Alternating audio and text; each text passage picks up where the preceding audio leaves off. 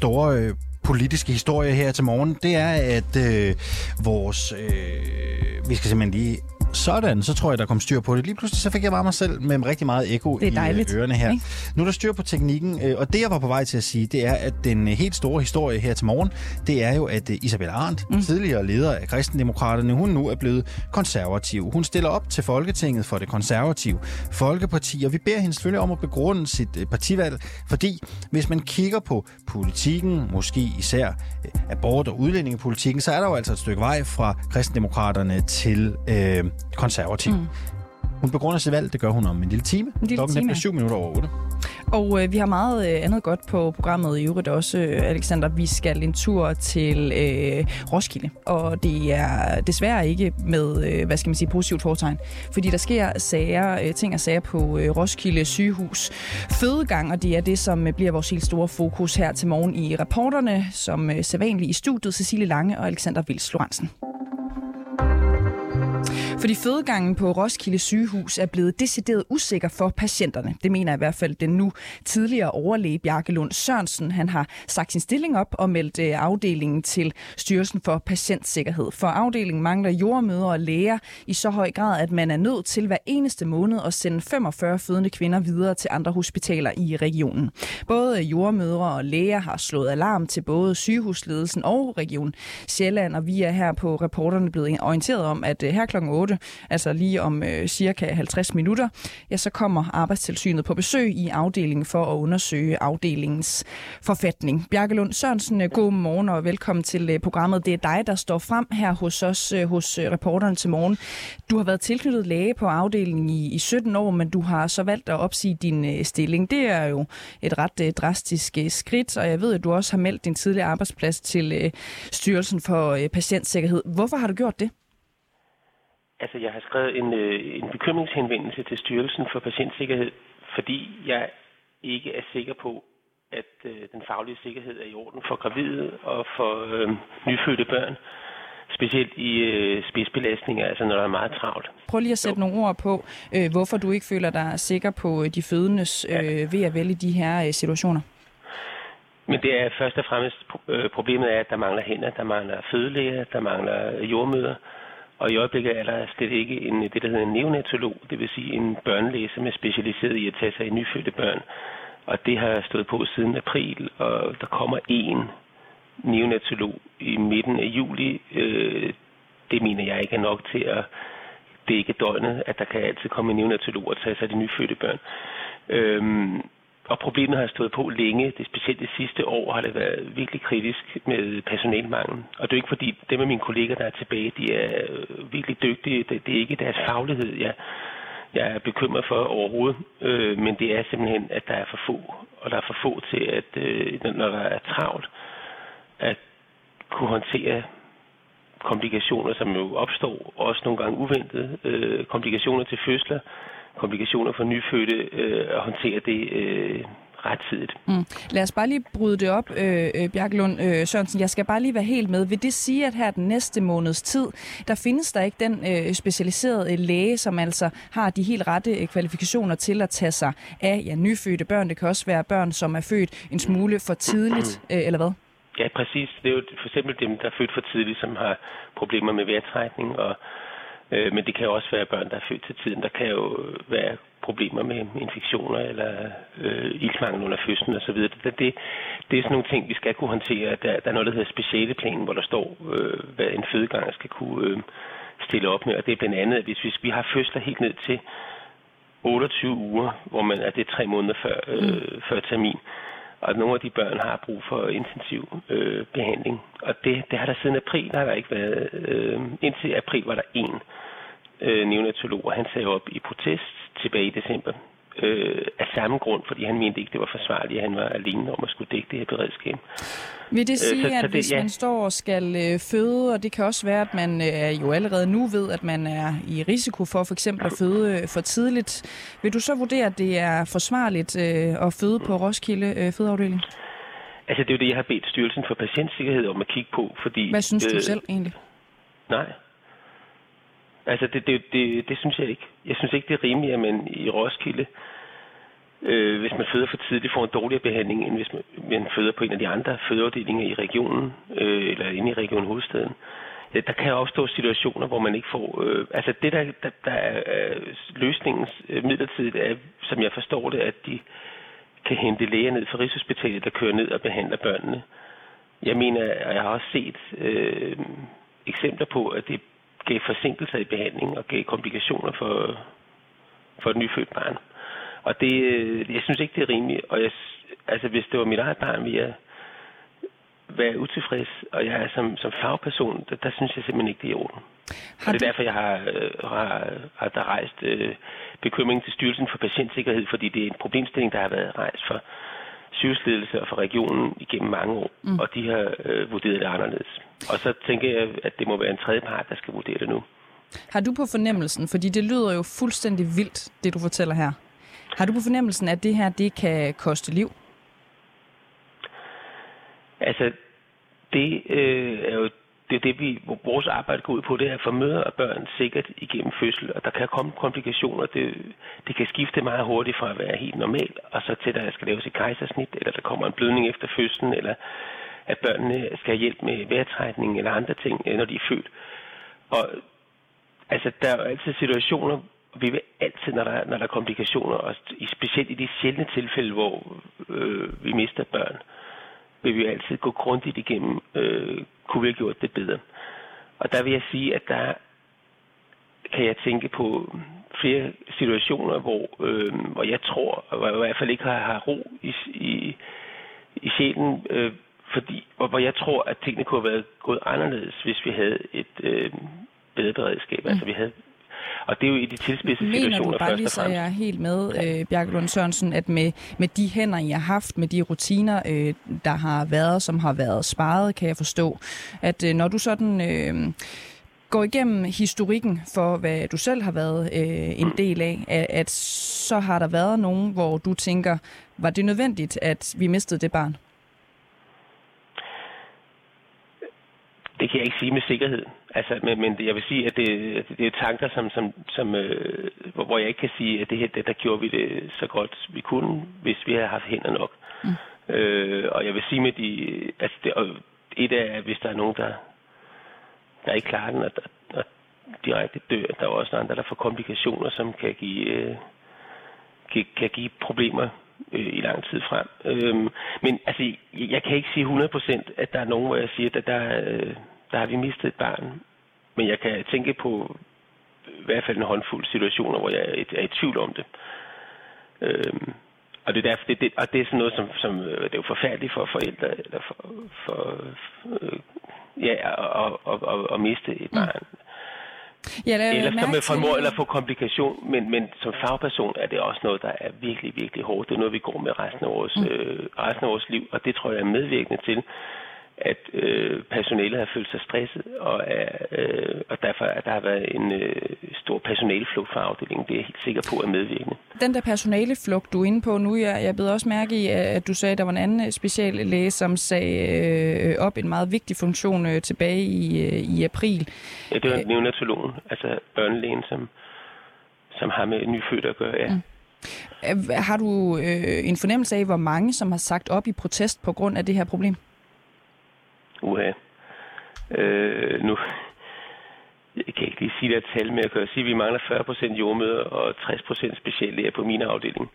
På børneafdelingen, der var jo, det, det jeg kender ikke det tal, men jeg ved, at der er Golam Dajani, som øh, var øh, neonatolog, han har sagt op, og der er en til, der har sagt op øh, af samme grund, øh, ved jeg, på børneafdelingen. Men jeg kender ikke afdelingen så godt, jeg kan ikke sige det præcis, men, men det er noget, som, som der har været... Øh, utilfredshed med. Har øh, I forsøgt at, sagt, at sige til ledelsen, jeg tror, jeg kender svaret, men nu spørger jeg alligevel, har I forsøgt at råbe vagt i gevær over for ledelsen og sige, det er svært at passe vores arbejde, når vi ikke har hænder nok? Ja. Altså, vi har jo sendt, jordmøderne har sendt fire bekymringsskrivelser de sidste tre år, og lægerne har så også sendt øh, et par stykker.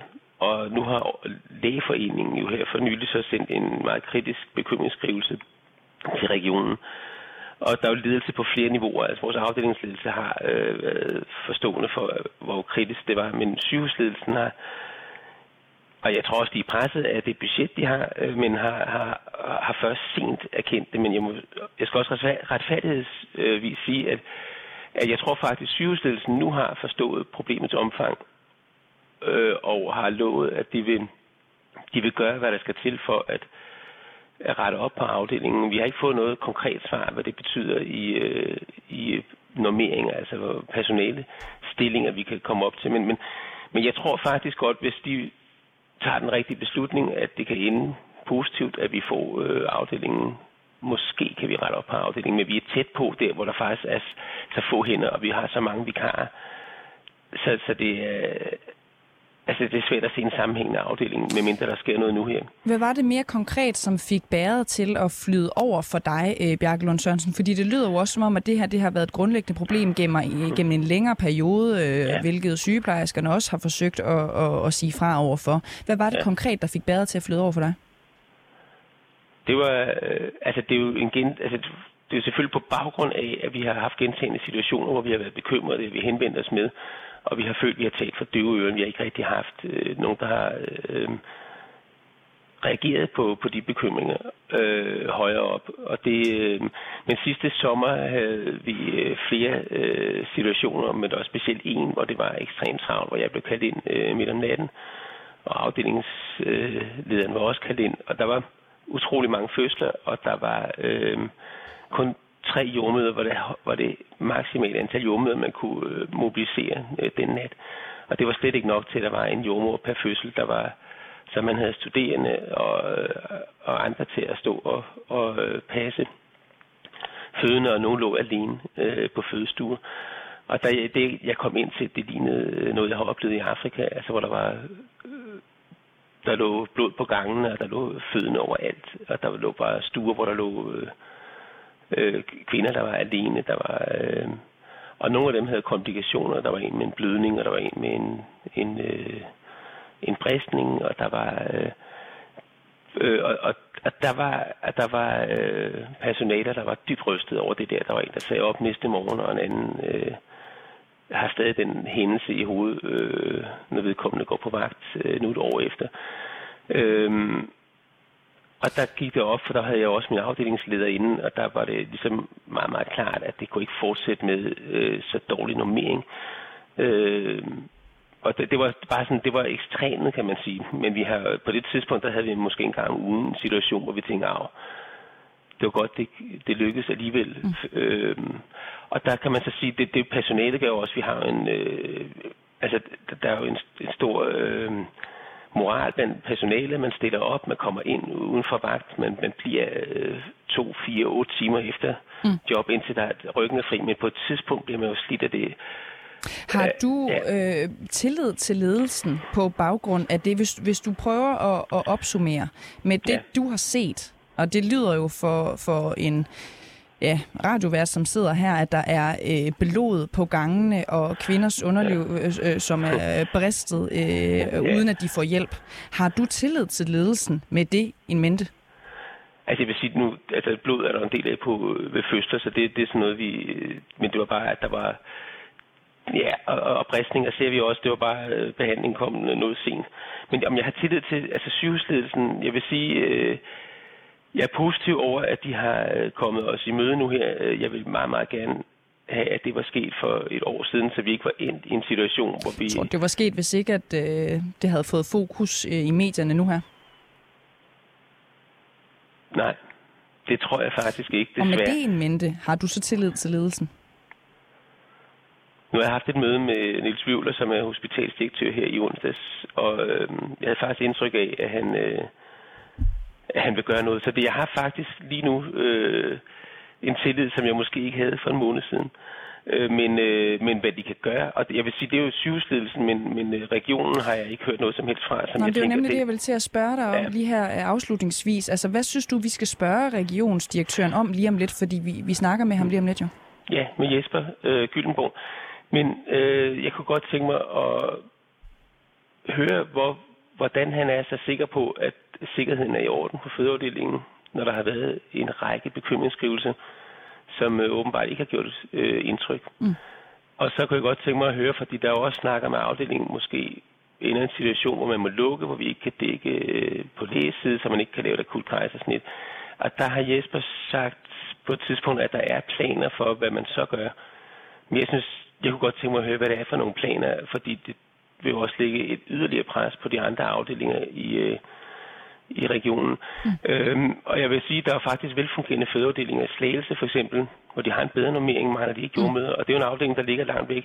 De vil godt have samme betingelser som Slagelse, altså samme normeringer, så tror jeg godt, vi kan få vores afdeling op at køre igen. Det vil vi gå øh, videre Så det er det, jeg, du godt må spørge Jesper om. Det prøver vi. Bjarke Lund Sørensen, du bliver lige hængende lidt endnu, fordi at nu skal vi nemlig over høre, hvad koncerndirektøren i Region Sjælland siger til kritikken. Ja, og ifølge Bjarke Lund Sørensen, så står det til synlædende helt galt til. Selv anslår Region Sjælland, at 40 procent af jordmorstillingerne og 60 procent af speciallægestillingerne på fødeafgangen i Roskilde nu er ubesatte.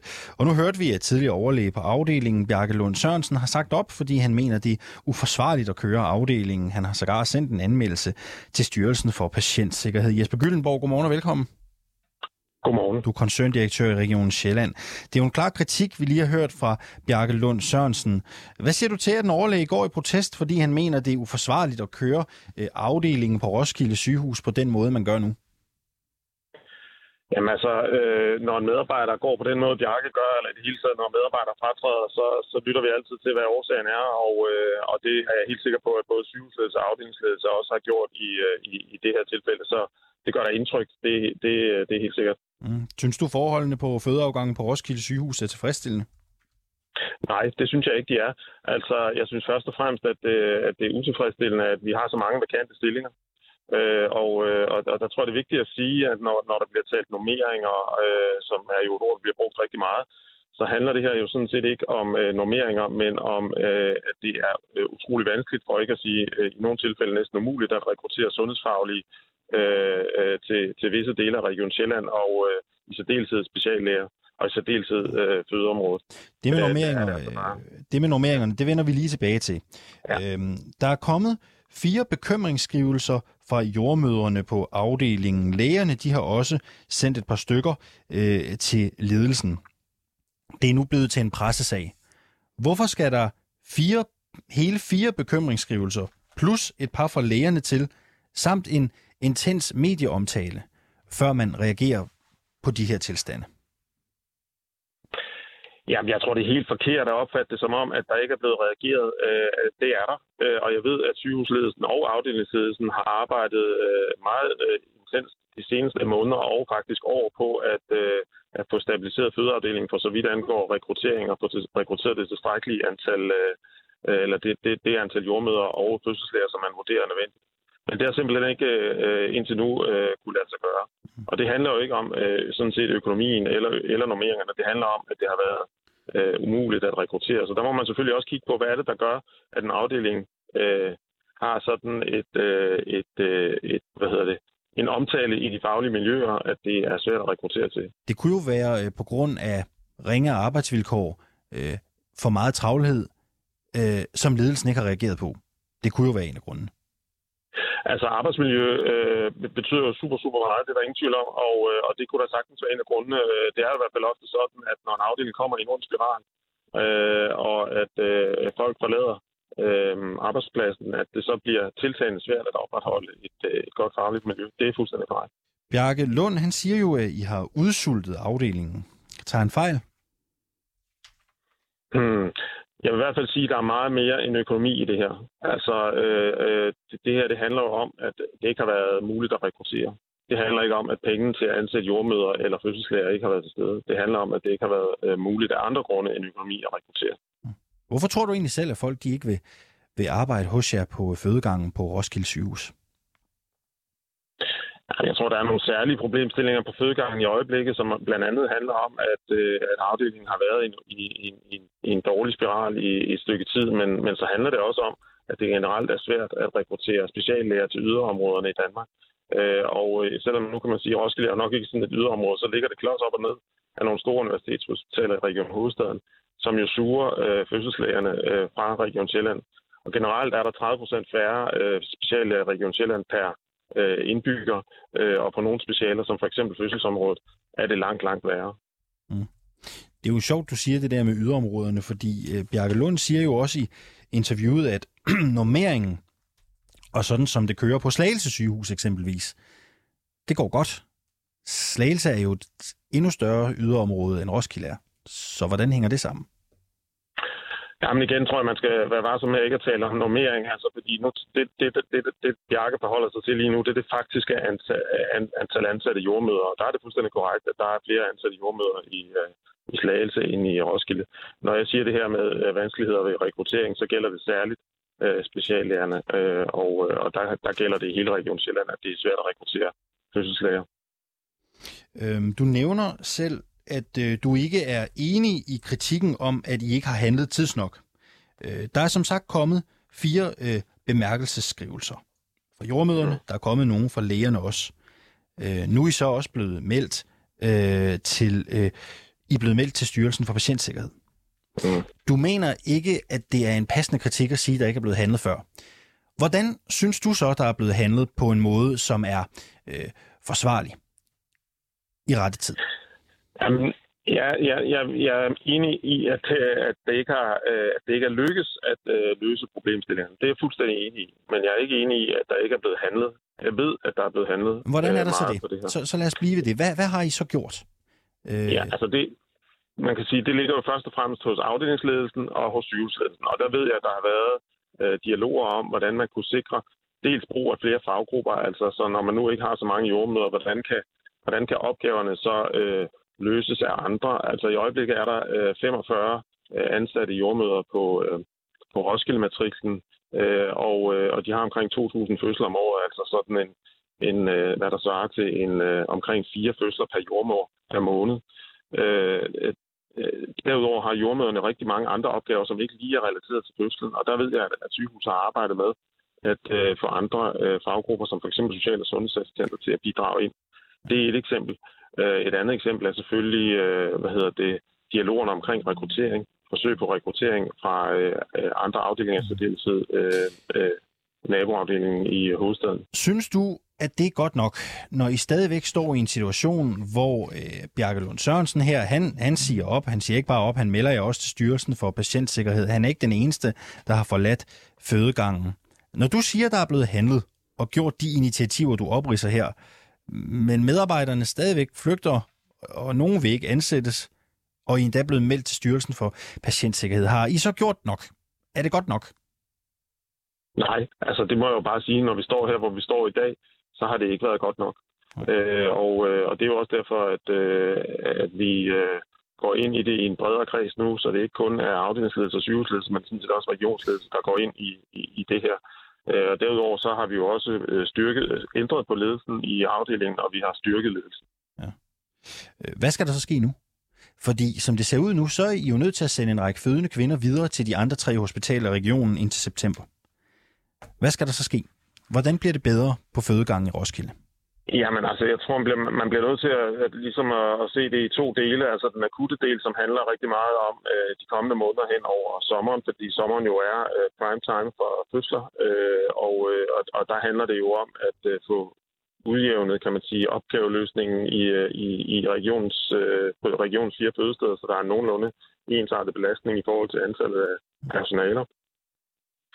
Øh, og, øh, og, og på den længere bane, det er så den anden del af løsningen, der handler det dels rigtig meget om den regionale fødeplan, hvordan Region Sjælland skruer sit fødetilbud sammen, så øh, det indeholder øh, både høj, et højt fagligt øh, miljø og et øh, nogle tilbud, som øh, kvinderne er glade for og trygge ved. Og hvad er det, der skal være bedre i Roskilde? Helt konkret i Roskilde. Hvad er det, der skal forbedres der?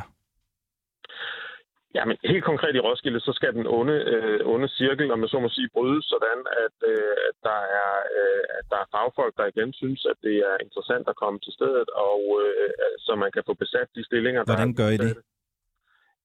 Det, det gør vi jo blandt andet ved at, øh, at ansætte en, øh, en ny afdelingsledelse, som kan være med til at, øh, at vende det her. Ansætte en ny afdelingsledelse? Ja. Ja. Altså, det skal nogen fyres, eller er nogen gået, eller? Øh, nej, altså der er nogen, der har der, der er trådt fra, altså som har overladt øh, øh, ordbind til, til andre. Øh, og så handler det jo rigtig meget om også, at øh, personalet er med til at støtte op om, at, øh, at, at man har et potentiale for at blive en rigtig god afdeling igen. Det har været en rigtig god afdeling i mange år. Hvad, hvad betyder det der med, at, at, at personalet skal, skal bidrage til, at det bliver en god afdeling igen? Jamen, jeg tror, altså, det, det handler om, at en, en ond spiral er, er sådan et, et, kan man sige, en fælles ting, øh, hvor det både handler om, at ledelsen går forrest og, og, og hjælper ud, og personalet støtter op om det. Så det er også medarbejderne, der er lidt skyld i, at, at, det, at det ikke går Nej, godt? det vil jeg ikke sige. Nej, jeg tror bare, at nej, det, nej, det vil jeg ikke sige. Øh, men jeg tror bare, det er en fælles opgave at, øh, at komme ud af den onde spiral, som både involverer ledelse på afdelingsniveau, sygehusledelsesniveau, regionsniveau og på medarbejderniveau. Som sagt, indtil videre, så skal fødende kvinder sendes videre til de tre andre hospitaler i regionen indtil september. Er det løst til september? Er der styr på det i Roskilde til september? Det skal jeg ikke kunne sige. Øh, men hvis ikke der er styr på det til øh, september, så fortsætter vi nogle, øh, nogle mellemløsninger, indtil der er bedre styr på det. Hvornår skal det ifølge dig senest være helt 100% sikkert og forsvarligt at føde igen på fødegangen i Roskilde? Hvornår skal det være 100% tip-top i orden? Hvis man spørger dig som øverste chef i regionen. Det vil jeg ikke sige øh, noget præcist om, hvornår det skal være så hurtigt som muligt. Øh, og det jeg i hvert fald kan sige, det er, at der bliver arbejdet stenhårdt på det på alle niveauer på at, øh, at få ændret det her. Og det er, hvad jeg kan sige om det. Ja. Her til sidst, inden vi slipper dig.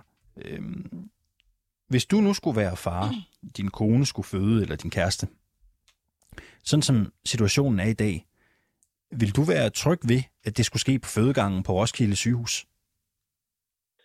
Ja, det vil jeg faktisk. Altså, og, og, og nogle af de ting, jeg også baserer det på, det er jo, at vi har jo løbende tilfredshedsmålinger med, hvordan oplever øh, de fødende kvinder og deres familier at føde på Roskilde. Det får vi måned for måned. Og, øh, og noget af det, jeg kan sige, det er, at øh, de tilfredshedsmålinger, de ligger højt, og det har de øh, gjort uændret også de seneste måneder, øh, på trods af den øh, vanskelige situation, afdelingen i øvrigt har befundet sig i. Så jeg ved, at det personale, der er der, de leverer rigtig, rigtig hårdt øh, og rigtig, rigtig høj kvalitet. Øh, så det vil jeg faktisk være, ja. ja. Hvad vil du gerne sige til de der pressede medarbejdere, som sidder på fødegangen i Roskilde, og måske overvejer at sige op, eller har sagt op, fordi de ikke har følt, at I som ledelse i regionen har hjulpet dem med deres udfordringer? Hvad vil du gerne sige til dem her i de sidste 20 sekunder? Hmm. Ja, men jeg vil da først og fremmest sige, at, øh, at jeg ved, at de befinder sig i en vanskelig situation i afdelingen, men at jeg også ved, at, øh, at de leverer faglig høj kvalitet. Øh, og det er jeg sådan set øh, utrolig stolt af på, på både regionen og på afdelingsvejen. Vil du også fortælle dem, at Region Sjælland løser problemet så hurtigt de kan? Jeg kan i hvert fald sige, at Region Sjælland og regionsledelsen, sygehusledelsen og afdelingsledelsen gør alt, hvad de kan for at, øh, at løse problemstillingerne øh, så hurtigt de kan. Godt nok. Jesper Gyllenborg, koncerndirektør i Region Sjælland. Tak fordi du var med her til morgen. Selv tak. Nu vender vi lige kort tilbage til dig, Bjarke Lund Sørensen, øh, som har lyttet med her på en øh, linje. Du er, som før nævnt, øh, tidligere overlæge på fødselsafdelingen, og du har lyttet med til forklaringen her fra koncerndirektør i regionen Sjælland, Jesper Gyllenborg. Hvad siger du sådan overordnet til den forklaring, han kommer med? Jamen, jeg vil bare øh, sige, at det her det faktisk drejer sig om normeringer. Det, nu er jeg gift med en jordmor, jeg kender miljøet indenfra. Jeg underviser på jordmorskolen. Jeg ved, det som alle snakker om, det er, at man bliver man kommer virkelig til at arbejde hårdt, og man arbejder i Roskilde, man har svært ved at få sin ferie. Man bliver langsomt slidt ned. Så det er et spørgsmål om normering, og det er et spørgsmål om økonomi. Hvis man kan få slagelse til at fungere godt, så kan vi også godt få Roskilde til at fungere. Vi bliver nødt til at bare have nogle, nogle rammer, der minder om det. Jeg synes, det er fuldstændig urimeligt, at vi ikke har de samme rammer. Og det ved jeg, det er ikke kun mig, der sidder og holder øje med det. Det er også personalet på afdelingen. Og det gælder også normeringer for neonatologer, altså børnelæger, der har med, med nyfødte at gøre. Lund, så, når, så det Jesper har med normering at gøre, og før man indser det, mm. så får man ikke løst den her såkaldt onde spiral. Så, Lyver så det, han af altså Jesper Gyllenborg, når han siger, at det ikke drejer sig om normeringer, eller hvad? Lyver, det, det mener jeg er et, et hårdt ord, men, men vi er i hvert fald uh, uenige om det, og før man får øje på det. Og, og altså, alle jeg fortæller om det, som ikke sidder og har en økonomi, de skal til at hænge sammen, de kan godt se det og det kan personale på afdelingen også godt se. Mm. Øh, jeg tror, de bliver, og i øjeblikket så bliver der brugt rigtig mange penge på vikarer. Øh, de penge, det, det, det er ikke penge, der er sparet. Jeg vil hellere have, at man konverterer til et budget, hvor der er plads til nogle ordentlige normeringer, i stedet for at man får røde tal, fordi man bruger øh, altså 50 procent af afdelingen er, er dækket. Bjarke Lund Sørensen, det er bare for lige, at, at, at vi finder ud af, hvad der er op og ned i det her. Ikke? Ja. Fordi Jesper Gyllenborg, han siger, det drejer sig faktisk ikke om normeringer, det her. Øh, det drejer sig sådan set ikke om økonomi, og du siger, det drejer sig 100 procent om normeringer og økonomi. Så hvem har ret? Det er jeg. Det har du? Ja, fordi at vi har jo hørt, altså det er det samme... Øh, øh, løsningsforslag, som vi har hørt på i, i flere år, som jo ikke har løst problemet. Det har kun gjort det værre. Jeg har, så er der handleplaner, hvor man får en stresscoach, så øh, personalet skal lære at håndtere stress. Jeg synes, det er uartigt. At vi, skal have, vi bliver nødt til at lytte på, hvad det er, der kommer fra personalet. Og hvis man spørger jordmødet, øh, hvis man spørger lægerne, og hvis man spørger mig, så er det et spørgsmål om normeringer og økonomi. Og så Jesper Gyllenborg, han siger også det der med, at det handler sådan set om, at vi kan ikke øh, rekruttere til afdelingen. Mm. Øh, hvor meget øh, har det på sig, vil du sige?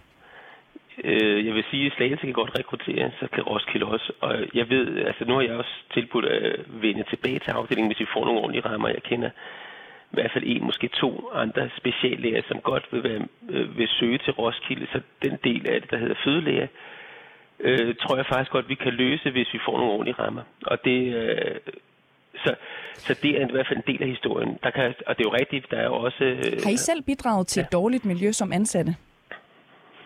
Det synes jeg faktisk ikke. Nej. Jeg den er dårlige spiral, kæmpet, som, har... øh, som Jesper Gyllenborg taler Nej. om. Ikke? Har, har du selv været med til at bidrage til den? Det er jo øh, svært at sige, fordi jeg har jo råbt op, men jeg er også blevet bedt af min leder om at tige stille, og det gør jeg ikke mere. Øh, jeg, jeg synes faktisk, jeg har, hvem har prøvet at løse det? Jamen, det har min afdelingsledelse. Hvem, hvem er det? Nej, det, det, det, det, det er for nogle år siden. Det er ikke lige nu. Men det var, da vi startede med at råbe op om det. Nu skulle, altså, så, så var det ligesom, nu skulle man ikke uh, skabe uh, drama. Nu bliver man nødt til at, at være positiv. Den der snak har jeg hørt. Vi skal bare uh, tige stille, når vi er bekymret. Mm. Og det... Uh, altså det, det, det, det synes jeg faktisk øh, er helt forkert. Det synes jeg heller ikke, at borgerne har fortjent, at vi mm. tiger stille med problemer, som vi, vi kan se. Så øh, jeg tror godt, vi kan løse det. Jeg tror godt, vi kan få en positiv øh, slutning på den her historie, men det kræver, at der bliver snakket om bedre normeringer. Bjarke Lund Sørensen, øh, tidligere overlæge øh, på fødeafdelingen hos øh, Roskilde øh, Hospital. Tusind tak, fordi du var med her til morgen. Helt tak.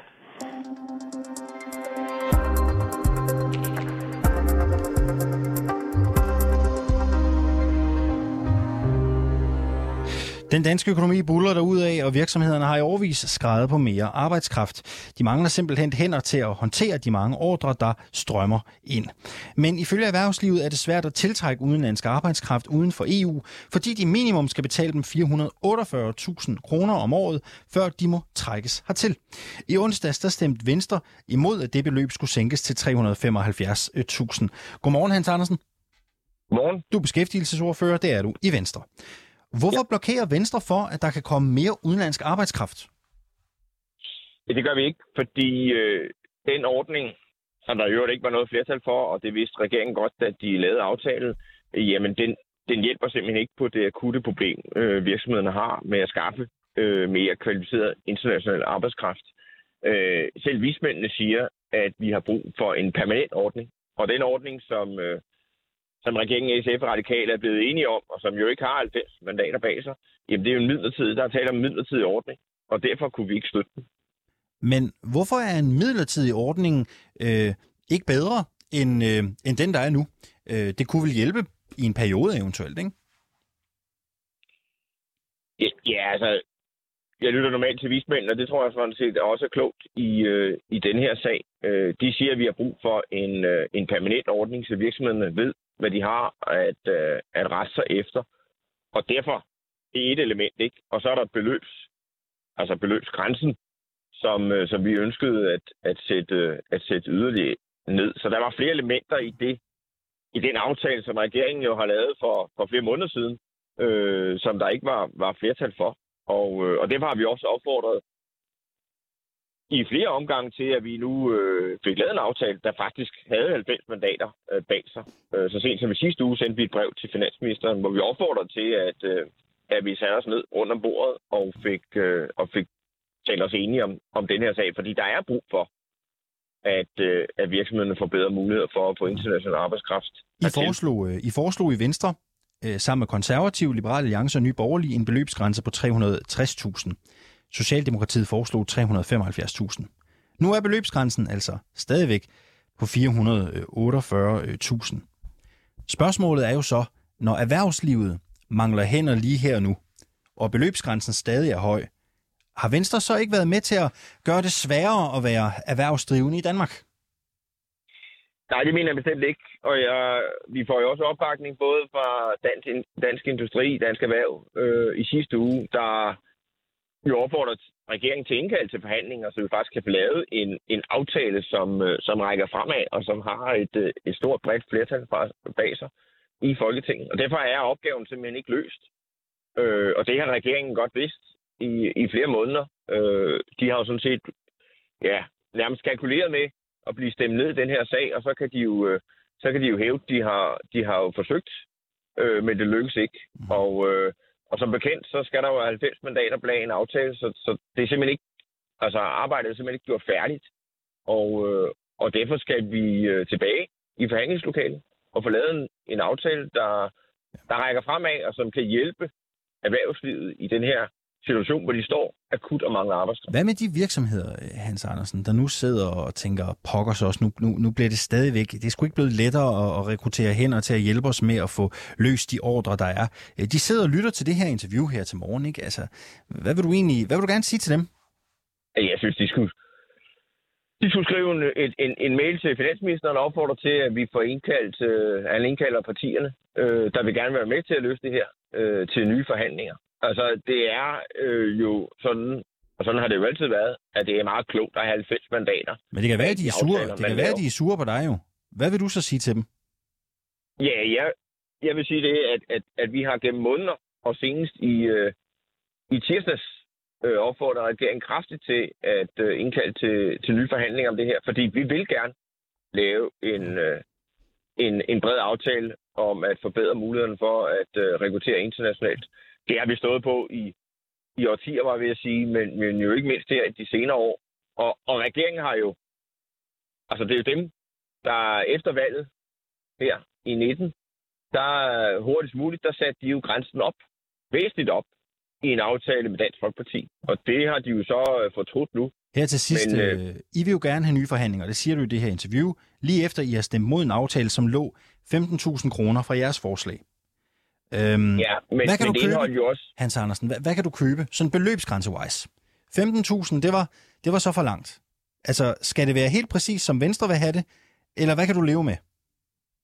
Jamen, det, det, beløbsgrænsen er en ting, men, men, men, men måske det endnu større knast, det er, at regeringen kun vil være med til, at det er en midlertidig ordning.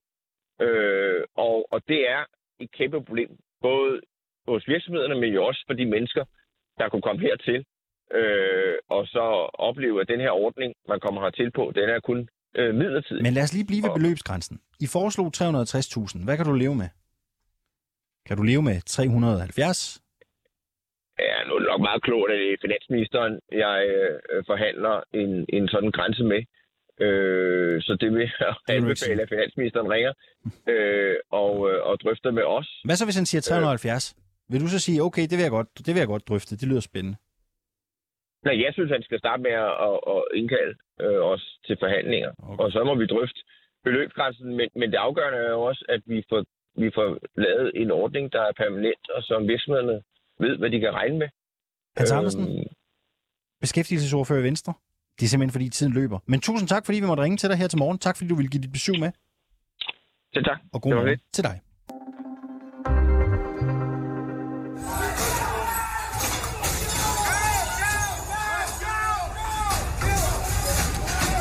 Ja, det vi øh, hører her, det er et øh, sammenklip fra hændelserne den øh, 6. Januar 2021, hvor hundredvis af Trump-støtter altså stormede den amerikanske kongres. Selvom stormløbet skete for snart halvandet år siden, så er det igen blevet højaktuelt. Fordi i torsdag så fandt den første af en række længe ventede høringer nemlig sted, hvor kongressens efterforskning af optøjerne blev endelig lagt frem.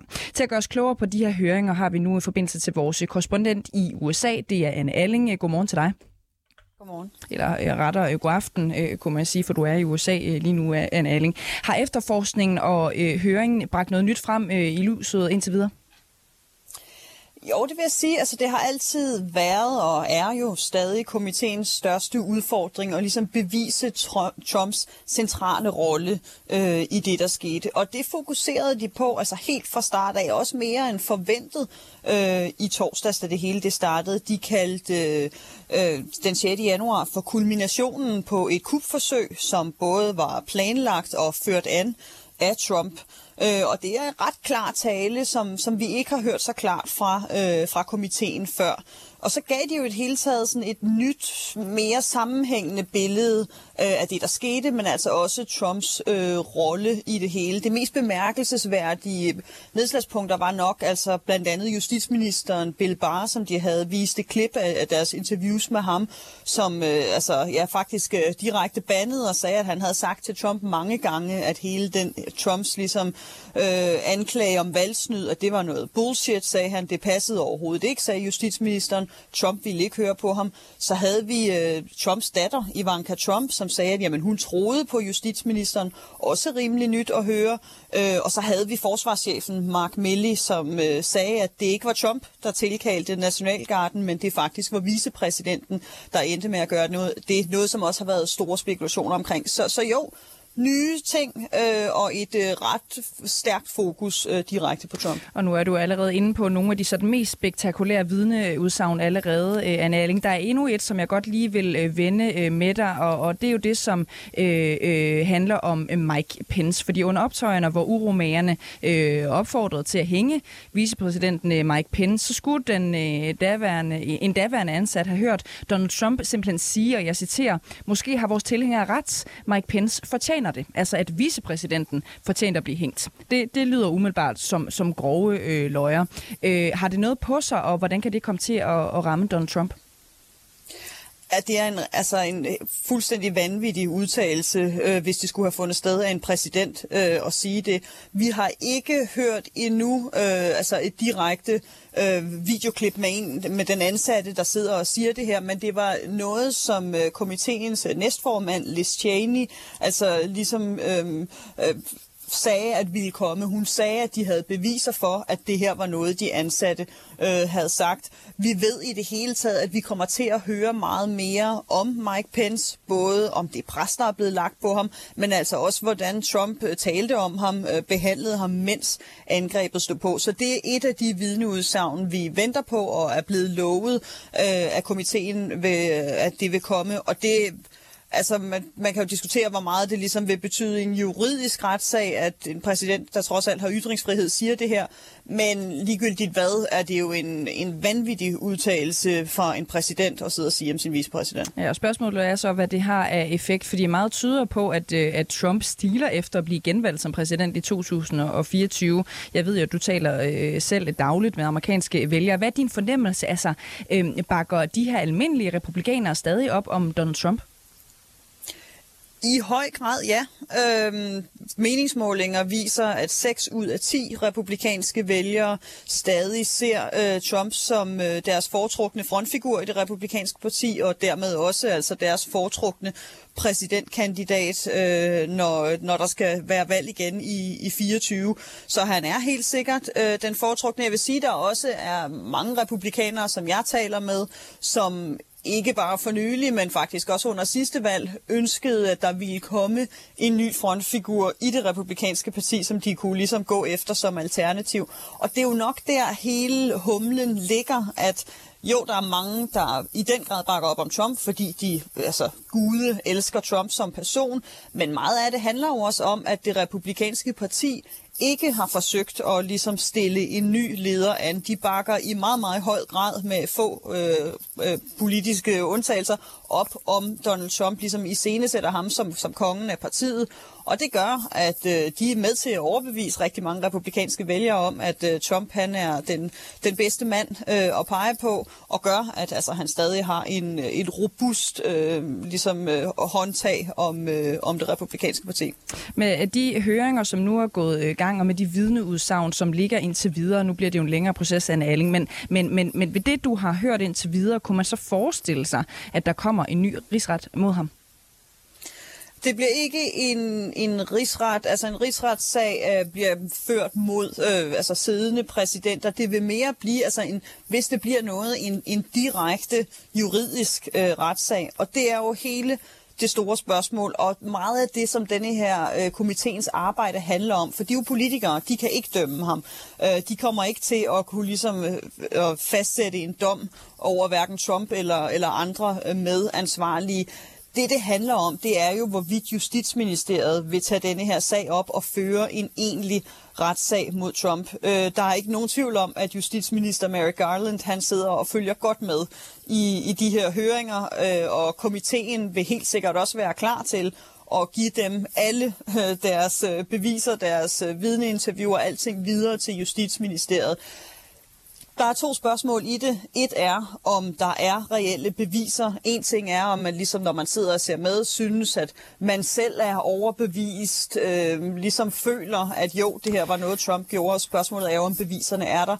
Det ved vi ikke endnu, og så er spørgsmålet op, og også om Justitsministeriet tør tage denne her sag op, om de tør føre en sag mod en tidligere og stadig så populær præsident. Anne Alling, USA's korrespondent for 24-7. Du følger selvfølgelig sagen øh, videre, Monika. vi øh, taler med dig snart igen. I hvert fald forløbet tak, fordi du var med her til morgen. Øh, der er god grund til at blive hængende den anden time ind i vores program her til morgen. Øh, vi har fået et ganske sjældent øh, interview, mm. som vi gerne vil gøre lidt reklame for. Det er et interview med den belarusiske oppositionsleder Svetlana Tikhonovskaya, der har været i Danmark i sidste uge. For to år siden, der stillede Tikhonovskaya op i præsidentvalget mod den belarusiske præsident Alexander Lukashenko. Det er jo en mand, der bliver anset som Europas sidste diktator. Det var egentlig hendes mand, der skulle have forsøgt at vælte øh, Lukashenko Lukashenko, det er Sergej Tsikhanovskij. Men på grund af Sergejs modstand mod det belarusiske regime, så fik han en fængselsdom på 18 år og sidder nu bag træmmer. I lørdags der besøgte Tikhanovskaya og så her på stationen, hvor jeg talte med hende om den situation, hun står i nu. Lad os prøve at høre noget af det, øh, hun sagde.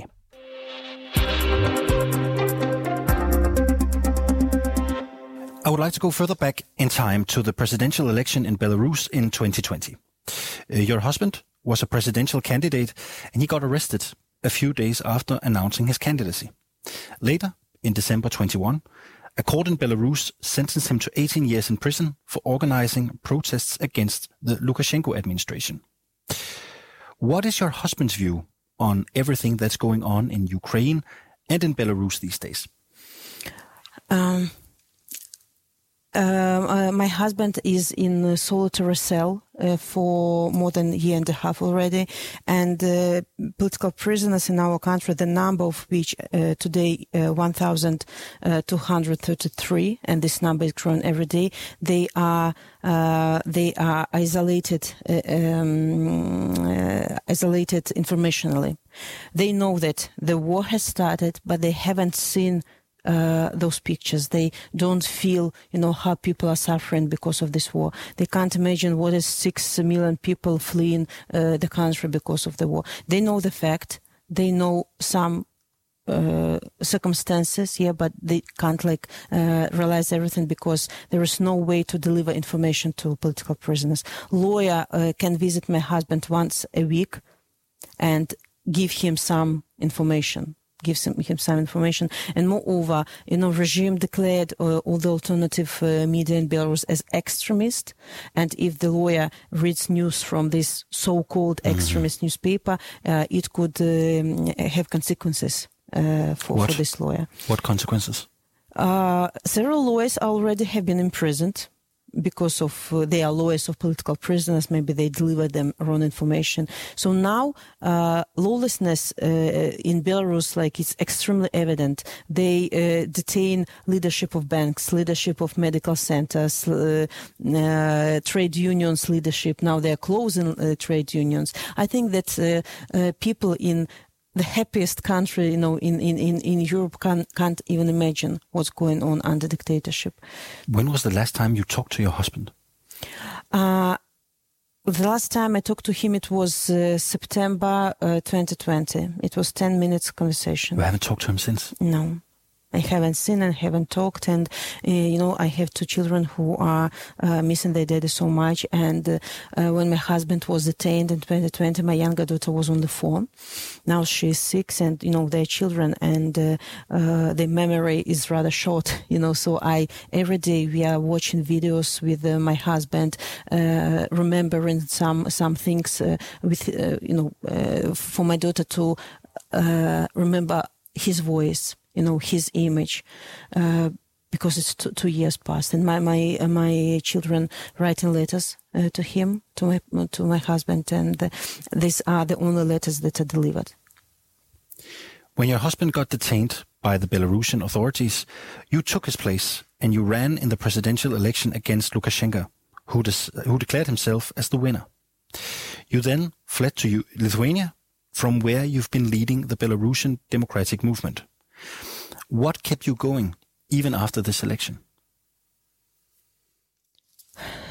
Many things that uh, helped me to um, continue this fight. First of all, is uh, the people uh, in jails who sacrificed their freedom, some of them their lives, to give us opportunity to continue. Because thousands of people behind the bars, they uh, believe in us. They believe in international society and international community, uh, in uh, democratic world that uh, all together will manage to get rid of uh, Lukashenko and release all of those people. Every morning you like wake up, you understand that you can drink a glass of water, coffee, take shower, and immediately you think your husband can't. He sits in solitary cell, extremely narrow cell, and uh, uh, he's like humiliated morally and physically, and you just put yourself on his place and the only thing uh, I would think at that moment is that release me as soon as possible. And you understand you have to uh, work harder, you know, to, to, to take all your strength. Children who are asking, uh, where will uh, I, I see my father next time? Uh, uh, encourage you to continue. Uh, th- hundreds of thousands splitted families who had to leave their houses in Belarus and flee the country, and they want to return home is also encourage you to continue. And the future of Belarus, of course, it's uh, our independence is uh, under threat. Uh, our country that Lukashenko is ruining also is under threat. And you understand that, look, it's your responsibility, it's the responsibility of millions of people to take care of your country. Of course, sometimes you're exhausted, you are uh, tired, but you understand not now. You can't stop now because you want your children to uh, be brought up by, uh, by their daddy. Og du kan jo høre uh, hele det her interview med Svetlana Tsikhanovskaya. Det kan du gøre i vores udenrigsmagasin Krig i Europa. Det kommer klokken 8.35, eller også så kan du høre det allerede nu som podcast uh, på Krig i Europas podcast-site. Mm. Du kan hente den der, hvor du henter alle dine Øh, uh, podcasts. Nu går det lige 30 sekunder, Alexander, og så er det tid til et øh, nyhedsoverblik. Det skal du selvfølgelig blive hængende til. Men du skal også blive hængende på den anden side af nyhederne, fordi der taler vi med Isabella Arndt, tidligere leder for Kristendemokraterne, fordi dagens helt store nyhed er jo, at øh, hun skal være konservativ. Ja, det håber hun jo på, ikke? Altså i hvert fald at blive konservativ folketingskandidat. Mm. Der er jo bare lidt langt fra nogle af de konservative politikområder til de kristendemokratiske, ikke? Altså særligt hvis man måske ser på udlændingepolitikken og på abortpolitikken. Vi hører hende begrunde sit valg. Det gør hun om små øh, syv minutter.